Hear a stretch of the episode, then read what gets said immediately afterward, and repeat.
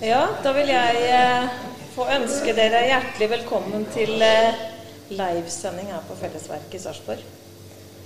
Jeg heter Hanne, leder her på Fellesverket.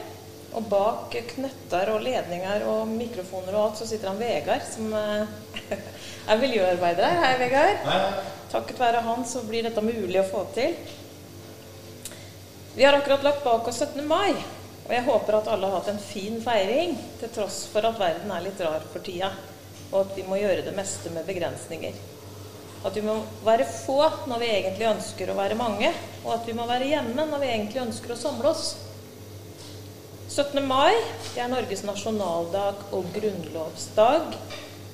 For den 17. mai 1814 ble den norske grunnloven datert og undertegna. Det har gått over 200 år siden den gang.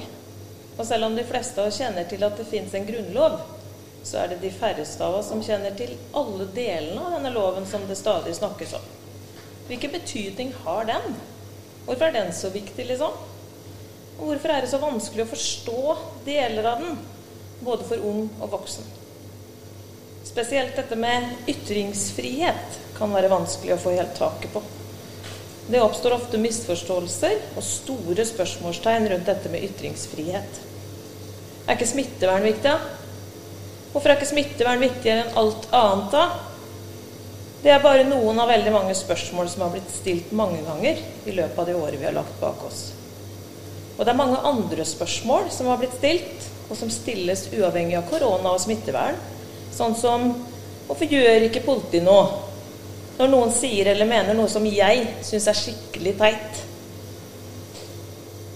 I kveld skal vi dykke litt dypere inn i det her med ytringsfrihet, og forsøke å bli litt klokere i noen av de spørsmåla som ungdommene stiller til oss. Og som så mange voksne også går rundt og stusser på og lurer på rundt disse temaene. Og vi har vært så heldige å få med oss en gruppe fagfolk som jobber med disse spørsmåla til daglig, og som har spisskompetanse til langt ut i fingerspissa på alt som har med det her å gjøre. Og de skal i løpet av den kveldssamtalen rundt bordet som vi skal ha nå, fortelle oss masse. Spesielt om det det er viktig at vi vet noe om, for at ikke vi skal lure så veldig. Så da skal jeg reise meg og gå litt til siden, og så skal jeg be dem komme inn. Og så skal jeg introdusere dem. Så vær så god. Hjertelig velkommen skal dere være. Tusen takk. Så hyggelig.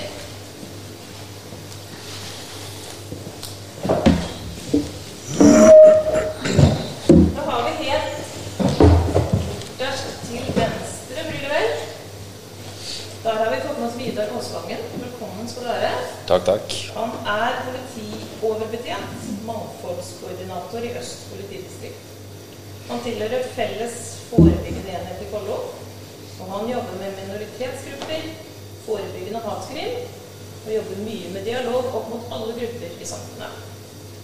Det er bare en kort, liten del av alt det han har gjort, og hva han fortsatt gjør. For han har jobba i etaten helt siden 1992, nei, 1999. Ja. Så her er det erfaring og kunnskap å hente. Videre har vi fått med oss Ingjerd Hansen. Velkommen. Takk. Hun er seniorrådgiver mangfold i Oslo politidistrikt.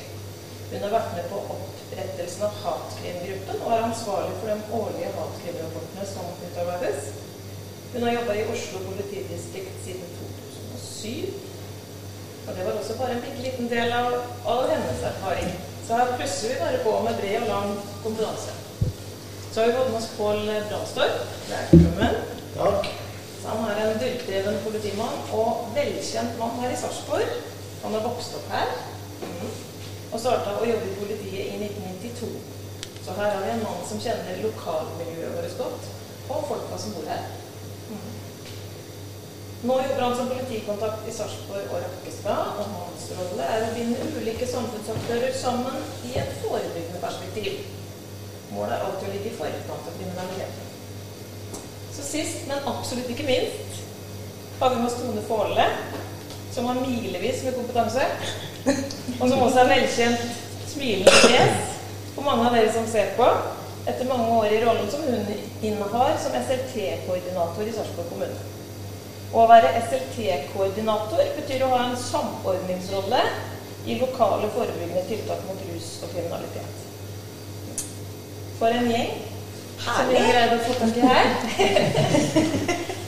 Så med den introduksjonen der, så skal ikke jeg ta mer av tiden, men jeg skal rett og slett gi ordet videre til Tone Fåle, som skal guide oss elegant gjennom sendingen og samtalen her. Så den spennende praten vi venter på, kan sette i gang. Så vær så god, alle sammen. Hjertelig velkommen og god prat. Tusen takk. Det var, så, det var unisont. Ja, det var Tusen takk til eh, Røde Kors Fellesverket 1016 i Sarpsborg. Eh, at vi får lov til å komme hit. Eh, I Sarpsborg så har vi akkurat eh, godkjent en plan, politikerne. Og i den eh, planen, den handler om at vi skal forebygge hatkriminalitet og voldelig ekstremisme. Og i den så har vi lagd et formål, og det er vi stolte av. At vi sammen skal vi skape det gode og trygge hjemstedet. Og den har vi laga sammen med politiet i Sarpsborg og Øst politidistrikt. Eh, og ungdommene i Sarpsborg, de har vært med i den planen. Og de syntes det var veldig mye tungt fagspråk. Eh, og vi hadde laget sånne fine innsatsområder og sånn på at vi må samarbeide og ha dialog, og vi skal Å, det er mye vi skulle gjøre som de ikke skjønte en dritt av, for å si det rett ut. Så de kom med nye innspill, og da kom de med noe på hvordan vil vi ha det i Sarpsborg. Og det er at de vil ha det trygt i skoler og barnehager. Og de vil ha det trygt hjemme og i fritida. Og trygt i gata og nærmiljø. Og så vil de ha det trygt på nett. Og i debatt. Og i bønn. Og så vil de være trygge på å oppdage og tørre å melde fra til kommune og politi. Og det er rett og slett derfor vi er her i dag. Fordi at eh, vi har også et prosjekt sammen kommunen, politiet og Røde Kors og Dialogforum eh, som heter Ung motkraft. Og vi skal lage debatter framover i forhold til dette med hat. Og bygge mer toleranse. Så nå skal vi eh, snakke sammen, for dette her er noe som vi er opptatt av i Sarpsborg. Og ungdomsrådet vårt de er veldig opptatt av temaet. For de vil at det skal være trygt for alle i Sarpsborg. Eh, men åh, nå må jeg spørre noe sånn rett ut her, for nå hørte jeg at du var veldig ekspert, eh, Ingjerd. Kommer fra hovedstaden og starta en hatkrimgruppe. Men er det lov å spre hat og krenke andre? Er det det? Det er jo det som er så rart, fordi at til en viss grad så er det faktisk lov. Er det? Ja, men så går det en grense. Og jeg skal prøve å forklare litt grann hvorfor det er lov. Fordi at en ting er hva som er straffbart, altså, og hva som er lovlig i Norge. En helt annen ting er hva er egentlig lurt? Hva er bra? Ehm, men det er sånn at i Norge så har vi noe som heter ytringsfrihet. Og ytringsfrihet, det vil si at man har lov til å si ganske mye. Og grunnen til at vi har ytringsfrihet, det er for at vi alle sammen skal bli klokere. Det kalles en opplyst debatt. Eksempel, hvis eh, Vidar her, han, er, eh, han mener at alle ulver bør skytes. Fordi at han vil at sauen skal leve. Og så bor jeg i et område hvor eh, jeg mener at det er viktig at vi tar vare på ulven. Eh, så da sier jeg til Vidar at jeg mener at vi skal ta vare på ulven, og så begynner jeg å argumentere for det. Og så kan det være at Vidar blir ganske rasende på dette. Ikke sant? For han mener at ulven bør skytes, og han bor et sted hvor ungene hans ikke kan lese trygt, og så begynner vi å krangle. Og vi er dypt uenige, og jeg kan bli lei meg over holdningene til Vidar. Det er grunnen til at vi skal ha ytringsfrihet. For den type meningsutveksling, det må vi tåle. Jeg må tåle at noen mener at hvis jeg er lesbisk, så er det feil. At man ikke liker lesbiske. Det, det må jeg tåle. Men da må den andre òg tåle at jeg mener at lesbiske skal få lov til å gifte seg. Eller homofile skal få lov til å gifte seg. Og i det at vi har debatter og meningsutveksling, så er det litt uunngåelig av og til at noen vil bli krenka. At noen vil bli lei seg. Jeg vokste opp eh, på Sørlandet. Eh, Jeg vokste opp i et kristent miljø. Eh, Og der var det veldig mange som syntes at kristne var dumme. Det er sårende når du sjøl er kristen. Det er veldig vondt når du sjøl er kristen. Men samtidig så er det lov å si. Eh, Så det er grunnen til at det å komme med litt sånn å si, å si Det er faktisk lov å si 'jeg hater kristne'. Det er lov å si 'jeg hater muslimer'. Pål kommer ikke og pågriper deg hvis du sier det. Men så går det en grense. Og det skal vi vel snakke litt mer om. Oh. Det ja. er noe som absolutt ikke er lov. Er det noe som ikke er lov? For du sa først er det lov å spre hat og krenke andre. Ja, men, sa du. Ja. Eh, og jeg syns det her var en sånn god start, for dette er vanskelig. Og så snakker du om ytringsfriheten vår. Eh, for jeg har snakka med noen ungdommer i dag i ungdomsrådet i Sarpsborg som er veldig engasjert i det temaet her. Og de sier at å, vi vil egentlig vite mer om den ytringsfriheten og den gamle grunnloven vår. Hva står i Grunnloven, paragraf 100? Eh, hva betyr det? For der står det faktisk i den siste setningen at vi som samfunnsaktører, politi og kommunen, vi skal tilrettelegge for på en måte fri debatt og åpen prat. da. Sånn som vi har nå. Og der står at vi skal tilrettelegge for. Så det har vi diskutert i dag. Og hva er dette med ytringsfrihet? Som egentlig er en gave, som ungdommen sa i dag. Vi er så heldige at vi har et land som er så mye som det er lov, da. Eh, og at vi får lov til å ha forskjellig type legning, og vi har, får lov til å være uenige og kan si fra. Eh, så det er jo en gave. Men er det greit å tråkke på andres følelser, da? Det, er det, det syns jeg er et helt annet spørsmål. Ikke sant? Um, men bare for å ta det med ytringsfrihet først, bare for å si litt mer om det, Tone. Fordi vi trenger jo ikke ytringsfriheten når alle er enige. Hvis jeg vil stille meg på Sarpsborg torg, ikke sant? og så vil jeg si at jeg syns alle mennesker skal få leve i fred og trygghet. Og vi må ha masse kjærlighet i samfunnet. Så det vil jo ikke være en ytring som krenker noen. Men Det vil alle være enig i. Det vil alle være Ja, For nå har vi politisk vedtatt at vi skal stå sammen og skape Ja. godt Sarpsborg. Ja, Ja. og da trenger vi ikke ytringsfriheten. Men der vi trenger ytringsfriheten, og la meg sammenligne med et annet land ikke sant? Hvis jeg i et eh, land med en diktator, eh, f.eks. Irak under Saddam Hussein, ville stille meg opp på torget og si jeg hater Saddam Hussein, jeg syns at han skal fratre fra sin stilling. Da, eh, siden det ikke var den type ytringsfrihet i det landet, så ville han ha sagt til politiet den type meninger den tå de tåler vi ikke. Nå skal du som politi gå og pågripe den personen som kommer med sånne meninger. Sånn har vi det ikke i Norge. Vi har ikke politikere som vil stoppe en politisk debatt, og som bruker politiet til å pågripe de som har meninger vi ikke liker. Ikke sant? Og det var hele kjernen til forfedrene våre i 1814. De var egentlig ganske altså 1814, de var ganske revolusjonerende. Og forut for sin tid. Veldig forut Ja. for sin tid, altså. Så, som på en måte ville ha et samfunn der vi skal ha lov til å ha ulike meninger og bryne disse meningene på hverandre.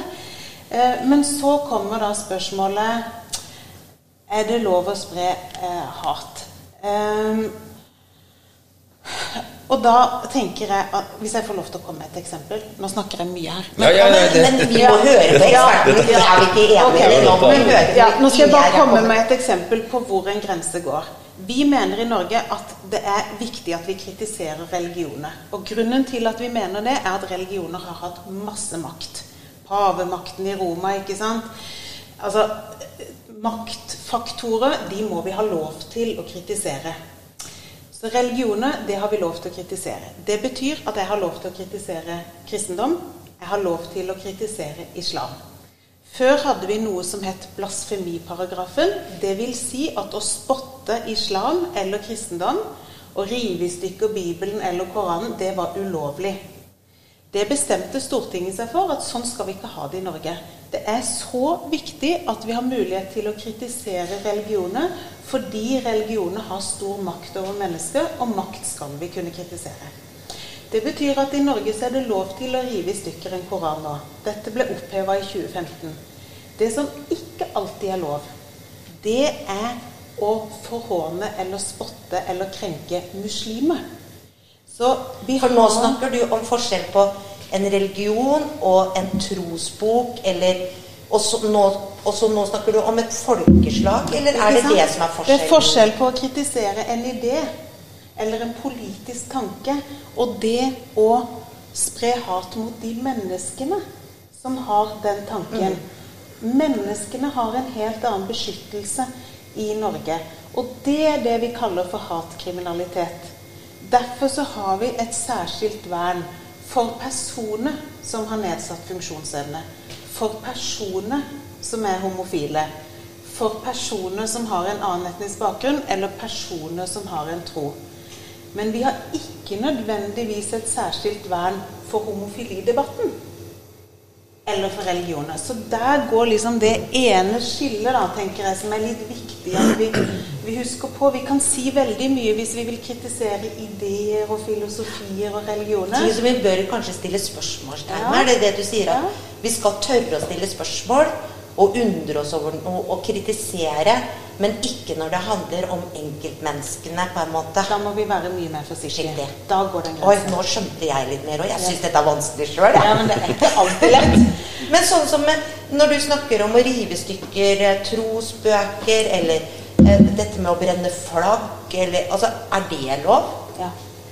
Ikke sant? Hvis jeg, men er det lov overalt? Hvis jeg mener at USA er en imperialistisk stat som nå står i ledetog med Israel og det som skjer i Gaza, er helt fryktelig. Så jeg er rasende på USA. Det er lov, for det er et land, det er en idé. Da har jeg lov til å trampe på det amerikanske flagget og ødelegge det flagget. Det er ikke lov i alle land. Det er mange land hvor sånne ting er forbudt. Men i Norge så er det lov, for det mener vi er innafor ytringsfriheten. Igjen det med ideer, ikke sant? Person, ideer, politikk, religion, som er noe over, liksom over det er forskjellen. Mm, det er forskjellen. Åh, det var en god oppsummering. Ja. det var veldig bra. Men i forhold til hatefulle ytringer hva er det som, For da er det snakker vi om ytringer, for nå snakker vi om ytringsfriheten vår, grunnloven vår, eh, som gir dette rommet som er veldig bra i Norge, den friheten til å kunne snakke. Eh, men dette med hatefulle ytringer For mange ungdommer snakker om at det sies så mye på sosiale medier. Det er masse slengord. Eh, det sies mye stygt. Eh, og så lurer hun på hva er lov og ikke lov å si. Eh, ja, hva er lov og ikke lov å si? Jeg gir ordet litt til kollegaene mine det... først, så får dere en pause fra meg. Ja, det er en, en veldig egentlig vanskelig balansegang, det også. Eh, det er klart at det man ikke har lov eh, til å si. F.eks. at man eh, begynner å true noen. Man følger på med å si at hvis eh, du ikke aksepterer det som vi står for, så vil det gå deg sånn og sånn. At man går, trekker det videre og setter et, en trussel bak det, så er det åpenbart straffbart. Men igjen så er det veldig mange grensesnitt i dette her. Dette her har jo vært også ganske nytt for politiet også. Men det er jo åpenbart, som vi starta her, den, den, grunnleggende vernet av ytringsfriheten. Politiet i Norge, vi er, vi er, jo satt til å beskytte alle mennesker som har lyst til å ytre seg fritt. Og det er jo en av grunnpilarene i hele demokratiet vårt. Og det kan jeg love deg, Tone, at når vi skal snakke litt mer om det Det å være en politimann i uniform som skal stå opp og beskytte noen som har noen, kanskje noen eh, voldsomme meninger, eh, og mange sier da Men dere kan vel ikke beskytte disse menneskene her? Jo, det er nettopp det vi skal gjøre. Fordi vi skal beskytte ytringsfriheten vår. Det står i Grunnloven det er det tror jeg mange som ikke tenker på. Der har vi en jobb å gjøre, slik at folk skal få leve fritt og si nesten hva man vil her i landet. Mm. Så der går det en grense på trusler, og så går det faktisk òg en, eh, en grense på det som heter dehumanisering. Um, og det var vanskelig Ja, det er vanskelig ord. Så nå skal jeg ta et eksempel som er helt konkret. Det var en uh, kvinnelig samfunnsdebattant, en ung jente med somalisk bakgrunn, som var veldig aktiv på internett og skrev mye og mente mye. Og så er det en eldre kvinne som skriver i kommentarfeltet uh, 'Din kakerlakk'. Ikke sant? Ha deg tilbake der du kommer fra. Og det å kalle et menneske for en kakerlakk da sier vi du er ikke et menneske lenger. Vi ser ikke på deg som et menneske, vi ser på deg som et skadedyr. Vi ser på deg Her oppe er vi mennesker, mm. og så er du her nede, og du er et skadedyr. Og denne dama her som skrev dette, hun er dømt. Og den saken har gått helt til Høyesterett. Hun har fått en kraftig bot, og det har retten bestemt at dette er ikke lov å si. Og det er det vi kaller dehumanisering. Vi gjør deg til noe annet enn et menneske. Og grunnen til, En av grunnene til at vi ser så alvorlig på dette i Norge, det er at ø, før andre verdenskrig i Tyskland, måten de omtalte jødene på der, så var det veldig vanlig å kalle jødene for rotte. Det var veldig vanlig å lage I de store dagsavisene så hadde man karikaturtegner av jøder hvor de ble fremstilt som rotte. Og det blir omtalt som skadedyr som bare var kommet til Tyskland for å gjøre skade innenfra. Og når mennesker blir fora med den type tanker lenge, at disse her er ikke mennesker, de er skadedyr, da legitimerer det å begynne å behandle disse menneskene litt annerledes. De må vi passe oss for. Ikke sant? De må vi egentlig knuse. De er ikke mennesker. De er ikke mennesker, og hvis vi ikke knuser de, så kommer de og tar oss. ikke sant? Da ødelegger de oss.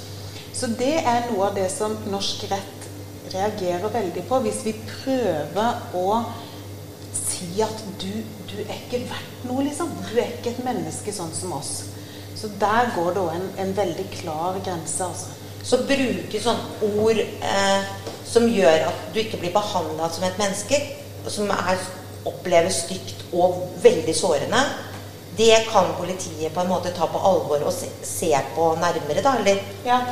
Og da tenker jeg at dere har en veldig god nettpatrulje her i Øst politidistrikt. Så hvis jeg hadde vært i tvil om noe, så ville jeg kontakta de veldig fort. ikke sant? For dette kan være litt vanskelig vurdering, og vi skal være ærlige på det. Det er ikke lett for oss politifolk heller, dette. Nei, jeg ser jo det. Jeg har sittet i jeg jobber nå en måned på nettpatruljen.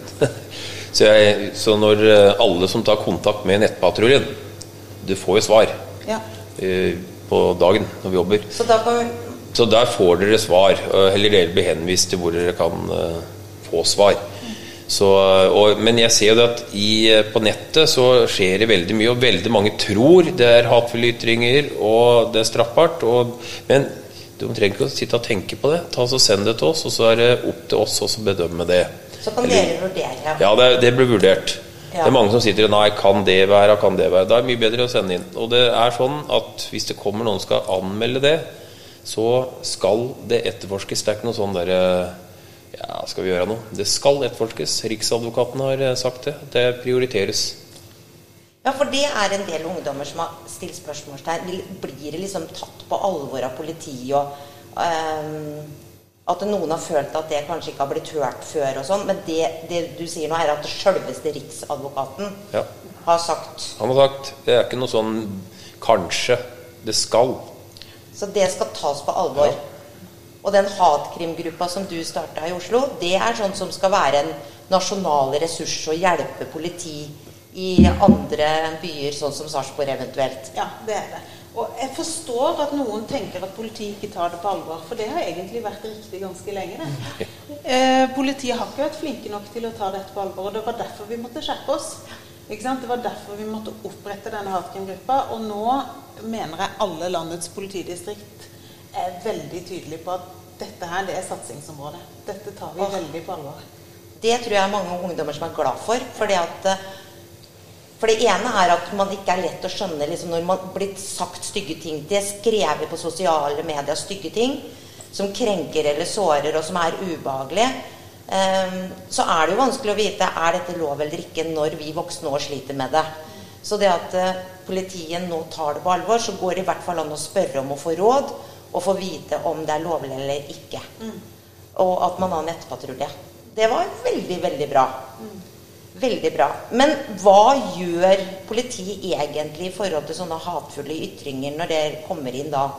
Hva gjør dere, og hvorfor beskyttes innimellom hatefulle ytringer? Ja, det, det som er Det var to spørsmål, ja, jo, det, var- egentlig. det var et eh, meget bra spørsmål. Var det et bra spørsmål? Ja. Eh, Det er mange som tror det at vi i politiet har meninger. Når vi står og passer på at folk skal få ytra seg og sagt det som kanskje andre ikke er enig i. Men eh, sånn er det. Vi, har, vi er ikke noen sånne meninger. Vi er der for å forsvare ytringsfriheten. At folk skal få kunne ytre seg. Det er så viktig. Så, så vi er der et politi. Vi tar ikke noen meninger. Vi er der for å beskytte ytringsfriheten. Så Og i tillegg så kan jeg jo si at når vi får, eh, hvis vi får en sak til behandling, en, en, en sak som blir anmeldt f.eks., eh, så er det som det nevnes her, eh, alvor fra første stund, egentlig. Der har vi egne instrukser på hvordan vi skal jobbe. Eh, det skal prioriteres høyt. Eh, og vi har lagd systemer som skal fange opp dette her fra, fra første sekund, egentlig. Og nettopp derfor så tror jeg det, det, det gir oss både selvsagt økt kunnskap, men hele greia med at vi, både Riksadvokaten og andre har satt dette her helt øverst nå, er jo nettopp at vi skal, vi skal jo forebygge. Vi skal jo ligge i forkant. Vi vil jo ikke at dette her skal få gro i landet vårt, slik at det demper ytringsfriheten. Det er nettopp det som er hele poenget med dette her. Eh, og det er jeg veldig glad for at man har tatt på alvor nå de, de siste åra, slik at det blir fritt, og folk skal få lov til å ytre seg. Det er en demokratisk rettighet, Men uten hat. men uten hat. Og så er hva er hat? Ikke sant? Sånn at jeg syns det er krevende tema. Så det dere sier nå, det er at det er viktig å si fra når man opplever noe som krenker deg. Du blir såra, lei deg. Eh, og be om råd til foreldre. Eh, for det første er å tørre å si fra. For jeg hadde syntes det er vanskelig hvis noen på en måte skriver stygge ting om meg, da. Om meg som person, og sånn at, og tørre å si fra at faktisk andre gjør det mot meg.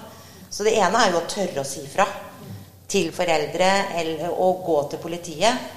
Og, men det jeg skjønner nå, er at det, da skal det bli tatt på alvor. Men så er det, er det et ord som jeg hører Nei, men det blir jo bare henlagt. Og hva er dette ordet 'henlagt'?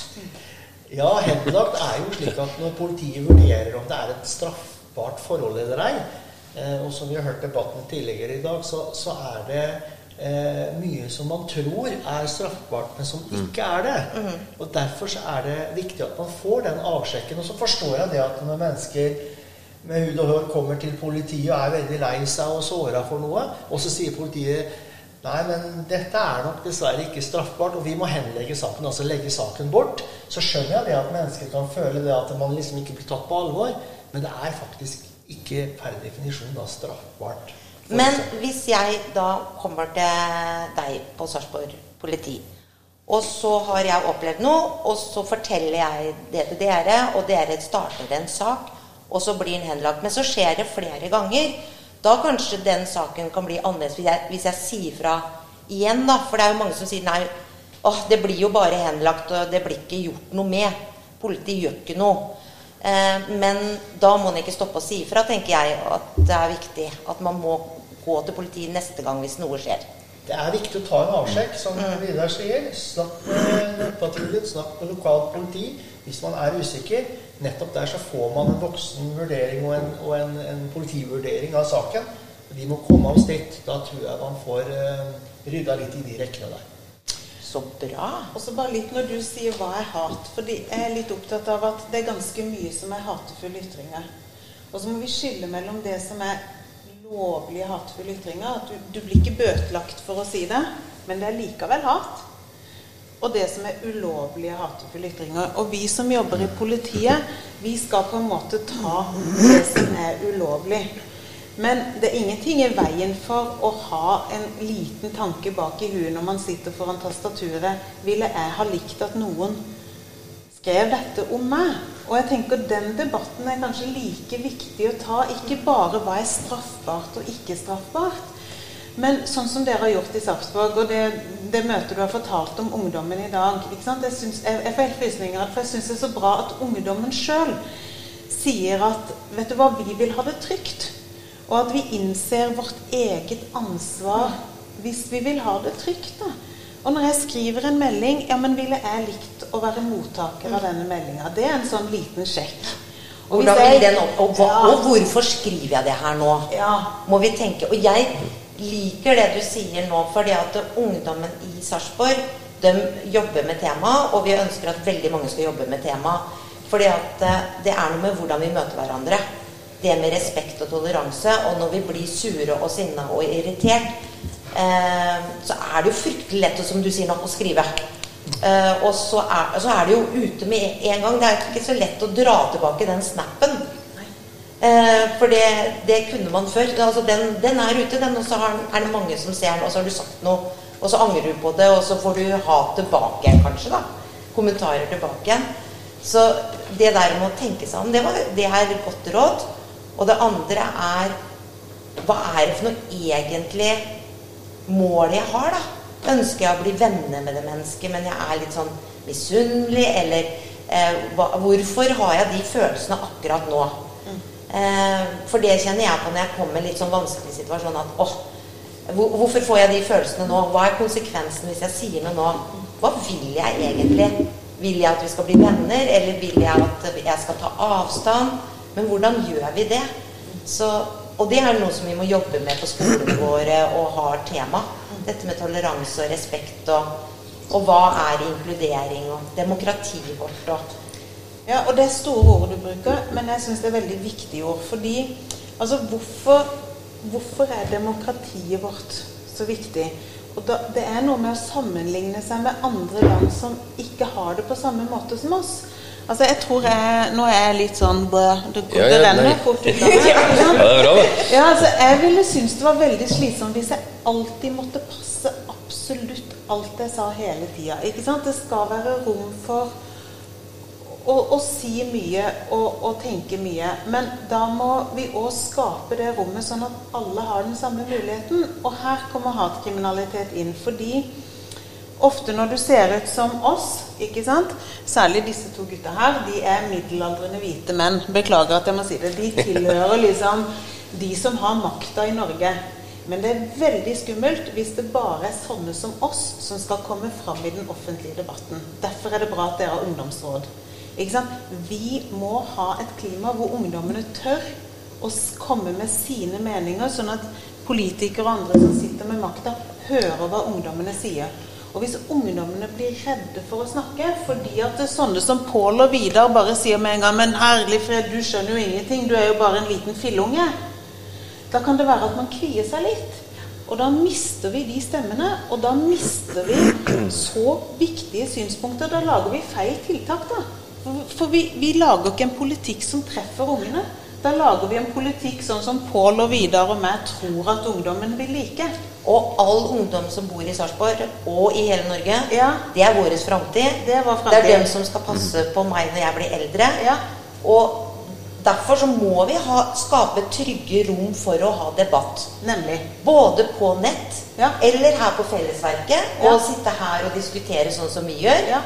Hadde det ikke vært for koronasituasjonen, så hadde vi hatt ungdom rundt her òg. Ja. Eh, og at vi hadde vært mange. Ja. Og det er jo noe vi drømmer om framover. Ha debatter og være, tørre å være uenig. Og at det er greit, så lenge det ikke går på person. Nemlig. Og så tenker jeg også det å få de ulike stemmene. Vet du hva? Jeg trenger den stemmen fra den unge jenta som har bakgrunn fra Kongo. Jeg trenger å høre hvordan hverdagen til han homofile er. Jeg trenger å vite hvordan den gutten med cerebral parese Hva trenger vedkommende?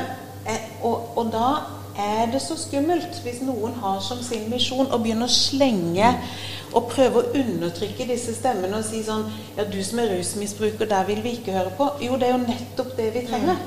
Vi trenger å høre din stemme for å kunne lage en god by, hvor det er rom for alle. Og at politikerne får høre. Ja. At de tør å ta imot òg, for det er jo noe i demokrati at man skal lytte. Og folkevalgte er liksom De bestemmer vi, da. I Sarpsborg når vi har valg, og til høsten så er det jo valg igjen. Ja. Og da er det liksom hvem som skal inn på Stortinget. Og da tenker jeg at det der å bruke stemmen og gi det rommet som du sier nå, Inger, at eh, vi må lytte til om eh, man har god råd eller dårlig råd. Om man har opplevd krig før man kom til Norge, eller man bor på bygda i Skjeberg eller i Vartei, eh, så skal stemmene høres. Og vi må skape da kanaler og ikke eh, ikke liksom le av det. For det er veldig fort at det blir sånn humor mot ting òg. Sånn der ironi og litt sånn småmobbing. Og vi, det er mye sånn slenging. Og det kjenner jeg på er en utfordring. Men det er lov. Ja, og dette er jo nettopp det som er vanskelig igjen. Altså, På den ene sida så må vi tåle litt. Vi må tåle ubehageligheter. Igjen, ikke sant. Jeg må tåle som kristen fra Sørlandet at det er noen som ikke liker kristendom. Eh, fordi vi må ha den medlemsutvekslinga. Men da må de òg tåle at jeg er kristen fra Sørlandet. Ikke sant? Eh, hvis jeg hadde vært lesbisk, så måtte jeg tålt at noen ikke likte det. Men de måtte også da tåle å høre hvorfor jeg var det. Og jeg tenker i det rommet der, når vi skaper rom for at de ulike stemmene kommer fram, det er jo da vi unngår at sånne som Pål og Vidar og meg blir sittende alene med makta og lage et Norge som vi tror det skal være det blir, ikke, det blir ikke noe bra Sarpsborg, det, altså. Hvis det bare er vi hvite 50-åringer som skal lage denne byen. Nei, her, her må alle til bords. Her må alle til bords. Og da har vi alle et ansvar for å skape det ytringsrommet. Ikke sant? Det er hele poenget her, da. Og så kommer politiet inn som en siste skanse. Ikke sant? Det er noe som er ulovlig å si, men det er mye jobb som kan gjøres uten at politiet er involvert òg, altså. Men det jeg tenker på liksom, Hvordan kan man vise motstand? For at det har ungdom For nå har jeg jo fått noen spørsmål fra ungdom her som vil stille dere om, og det eh, stiller dere nå. Og det er Hvis man er skikkelig uenig og syns at noe av det som blir sagt i sosiale medier, i, eh, av andre, da eh, Og hvordan kan vi vise motstand? U som er lovlig? Det er lovlig å ytre seg uh, om du er uenig, men begynner å true og begynner å miste huet, som mange gjør i sånne debatter. For da begynner du å gå på person, og du begynner å gå langt over fullstendig lov, og så skrive et saklig innlegg. Og så svare imot. Det er din mening. Så for, for det vi òg har prata med ungdommer om, er jo at ofte om man har liksom politisk ståsted liksom helt altså på venstre side Ja, ja. eller på høyre side eh, Er man for innvandring eller mot innvandring? For eh, vindmøller eller mot vindmøller? Eh, ulv, som ble tatt opp her, som vi har i området. Så blir det liksom at, at man gjør motstand akkurat på samme måten. Jeg synes, det òg syns jeg er litt sånn rart at man, når man blir veldig uenig, så oppfører man seg likt. Og så har man helt forskjellige meninger. Eh, at man gjerne liksom skriver nesten det samme, og så har man forskjellig ståsted. Det har vi prata en del om, da. Så det å lære å lytte eh, Og så er det å finne ut hvor kan jeg gjøre en forskjell, da. Uten å skrive 'Å, du er en dust. eh, Du kan ikke være for vindmøller. Hvorfor er du det?' Og eh, men hvor skal du kanalisere motstanden din, da? Og det er jo ungdomsrådet i Sarpsborg eh, f.eks. er jo et sted du kan sende eh, skrive noe og, eh, til politikere og eh, skrive Du sa leserinnlegg eller Ja. Som er Fordi at alle har mulighet til å kunne gjøre en forskjell. Så, men det er jo hvordan lage motstand istedenfor å drive med hat, si stygge ting, utføre kriminalitet, eh, binde seg fast til vindmøllebygging eller eh, andre ting. Det, det er jo Du har jo lyst til å si ifra og gjøre noe. Jeg har lyst til å komme med en liten kommentar. Du spør hva er det vi kan gjøre for noe egentlig i Norge for å yte en motstand? Jo, det er jo egentlig og har diskutert det veldig mange ganger opp igjennom at eh, altså hvis, du, hvis du vil endre på f.eks. styresett og andre ting i Norge, så må du melde deg til å bli politiker. Der kan du øve motstand. Der kan du jobbe i politiske saker. Der er det regelverk. Der er det møter i formannskap og bystyrer. Der kan man øve trykk inn mot demokratiet. Der kan du øve motstand. Men der er det spilleregler, og der er det innafor et handlingsrom. Bruke stemmen sin der vil være et godt eksempel, mener jeg, til å yte motstand på noe du er veldig imot. Om det er ulv eller vindpark eller om det er hva som helst. Så gå inn i politikken og, og øv deg på å vise motstand. Det var et godt uh, innspill, Pål. Og det er jo det at Vi har jo møteplasser i Sarpsborg sånn som Fellesverket. Og det at ungdom blir hørt da, på forskjellige steder og får gode råd på hvordan kan jeg få sagt ifra. Og så må jo vi som er, jobber i kommunen og eh, på skoler og rundt omkring, som møter ungdom, ha øra ute og lytte. Mm. Og ta imot, tåle å ta imot alle de kritiske spørsmåla og undringene som eh, er. Det er også et viktig. Ja. ja, jeg tenker på én ting. Eh, motstand, ja. Hvis du yter motstand som er lovlig Det er to forskjellige ting. Det er lovlig og ulovlig. Er det nesten sånn med hat òg? Det er noe lovlig og ulovlig? Ja, det er liksom sånn hvis du skal være motstander mot noen og begynner å ta opp ting og kaste og være helt byting, så er ikke det lov. Og det som er da, det som mange ungdommer ikke tenker over, det er at da kan de få noe som er rulleblad Dvs. Si om du er straffa eller noe sånt. Og det har veldig mye å si hvis du skal inn i militæret, skal ta førerkort, skal ut og reise. Masse forskjellige sånne ting som kan gjøre at du ikke får gjort det drømmen din. Fordi at du gjorde noe tull og tøys når du var yngre. Og det er veldig viktig for ungdom å tenke over. Eh, hvis du begynner å gjøre ulovligheter som sånn, da kan du få eh, store bøter og ja, Vi har et godt eksempel på det også. Vi kan tenke oss at uh, hvis ungdom får hatkrimsaker på seg, noen som er dømt for bøt for det å drive med hatfylle ytringer, så kan man tenke seg arbeidsgivere og andre som eventuelt får greie på at man har drevet med det. Det er særdeles negativt. Det er nok en person som man kanskje absolutt ikke vil ha inn i rekkene sine, som faktisk bruker hatet sitt for å forsøke å prøve å påvirke andre mennesker. Det er liksom noe av det ytterste man egentlig blir dømt for, syns jeg personlig. Og så er det klart at uh, folk kan gjøre dumme ting, mm. og man tenker seg ikke om. Det kan skje, selvsagt, men du verden, det å uh, ha hatsaker på seg og bli dømt for det, det er, uh, det er en stor skam, rett og slett. Det vil jeg vel si. Så det du sier nå med konsekvenser av hat, det er at når det blir en sak, så kommer det på det du kaller rulleblad. Da er det registrert. Ja. ja, alle starter med et blankt ark. Det vil si, det står ingenting på arket. Det står bare navnet ditt. Ingenting. Helt blankt helt hos politiet. Blankt. Yes, helt blankt.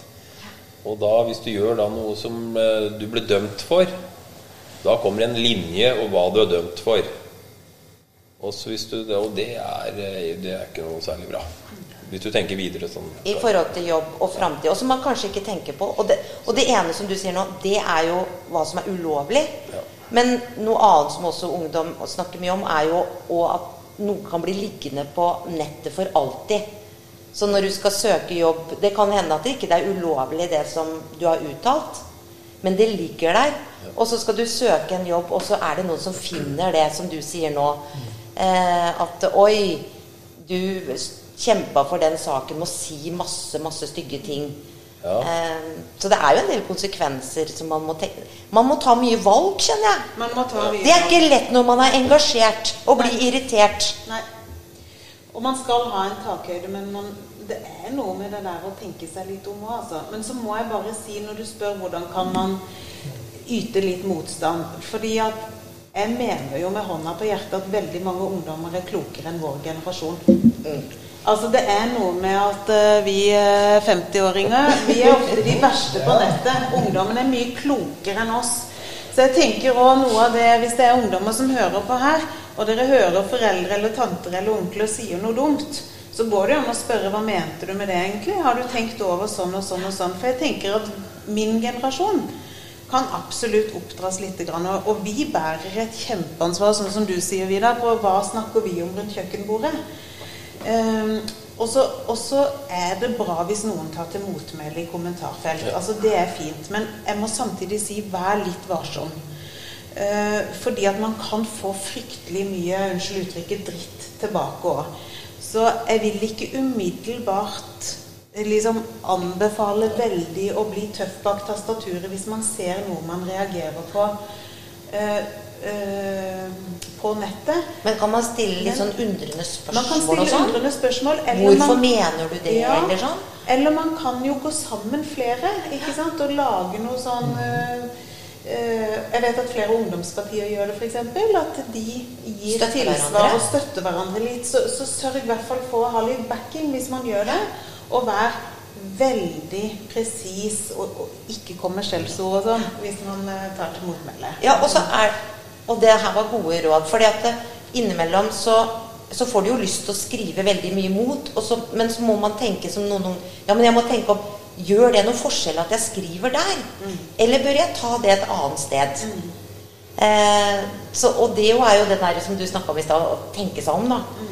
Men i forhold til foreldre, og vi ser på nyhetene og diskusjoner og sånn, så skjønner jeg at ungdommene er gode til å stille spørsmål hjemme.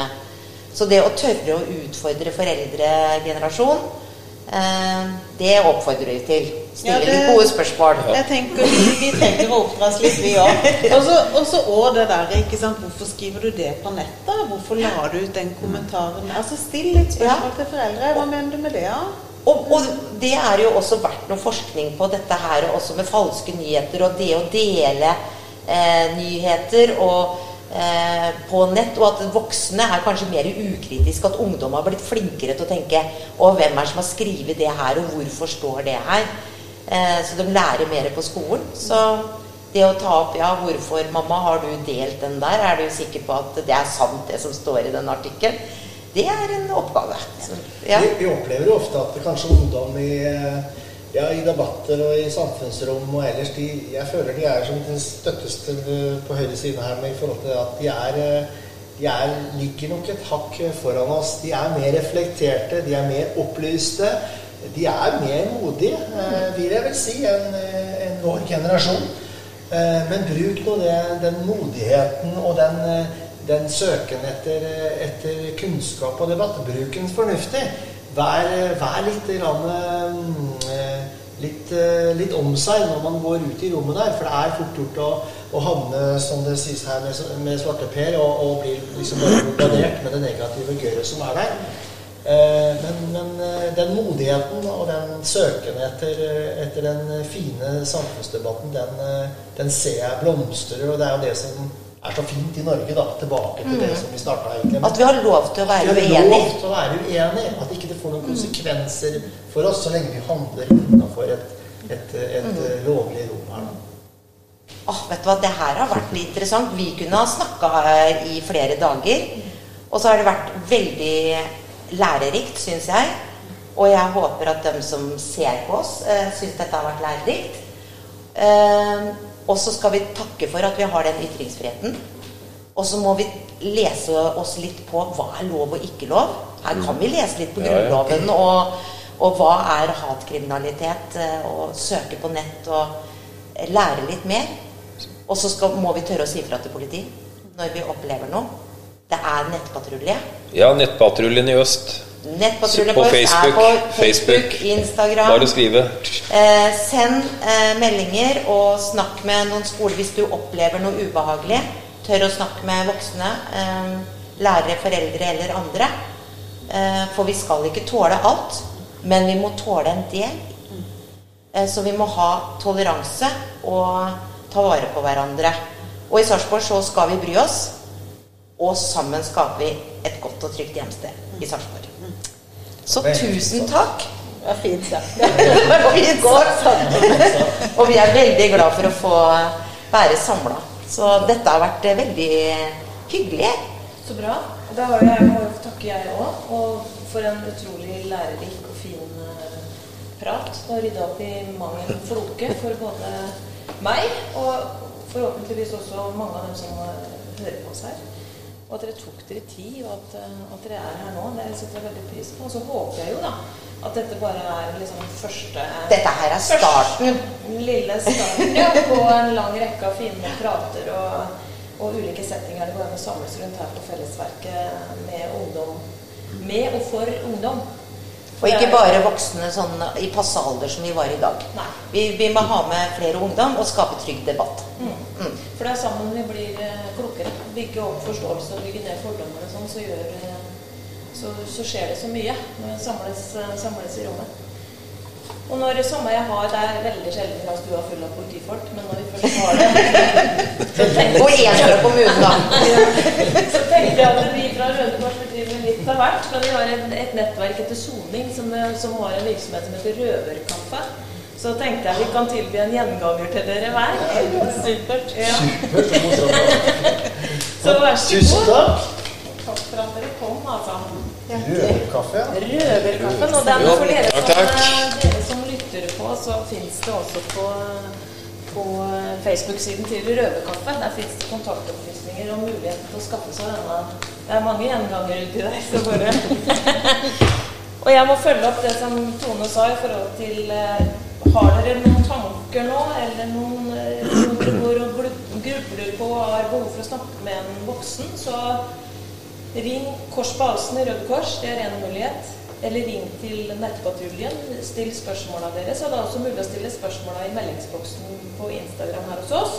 Så skal vi samle dem opp og bringe dem videre til rette vedkommende, og så blir det svart ut i etterkant. Men ikke gå og gruble, men ta kontakt, eh, Ta kontakt. med noen. Vi kommer til å legge ut disse telefonnumrene og kontaktopplysningene på skjermen eller på, på nettet etterpå. Så det skal være lett tilgjengelig. Så da gjenstår det egentlig bare å takke, ønske vel hjem til dere som har tatt turen, og ønske fortsatt god kveld til alle, alle sammen, og alle som hører på. Og takk takk for at de fulgte oss, altså. Ja. Nå er vi veldig spent om eh, de syns det har vært ålreit Ja. og lærerikt. Så ses vi igjen, garantert. Ha det. Ha det!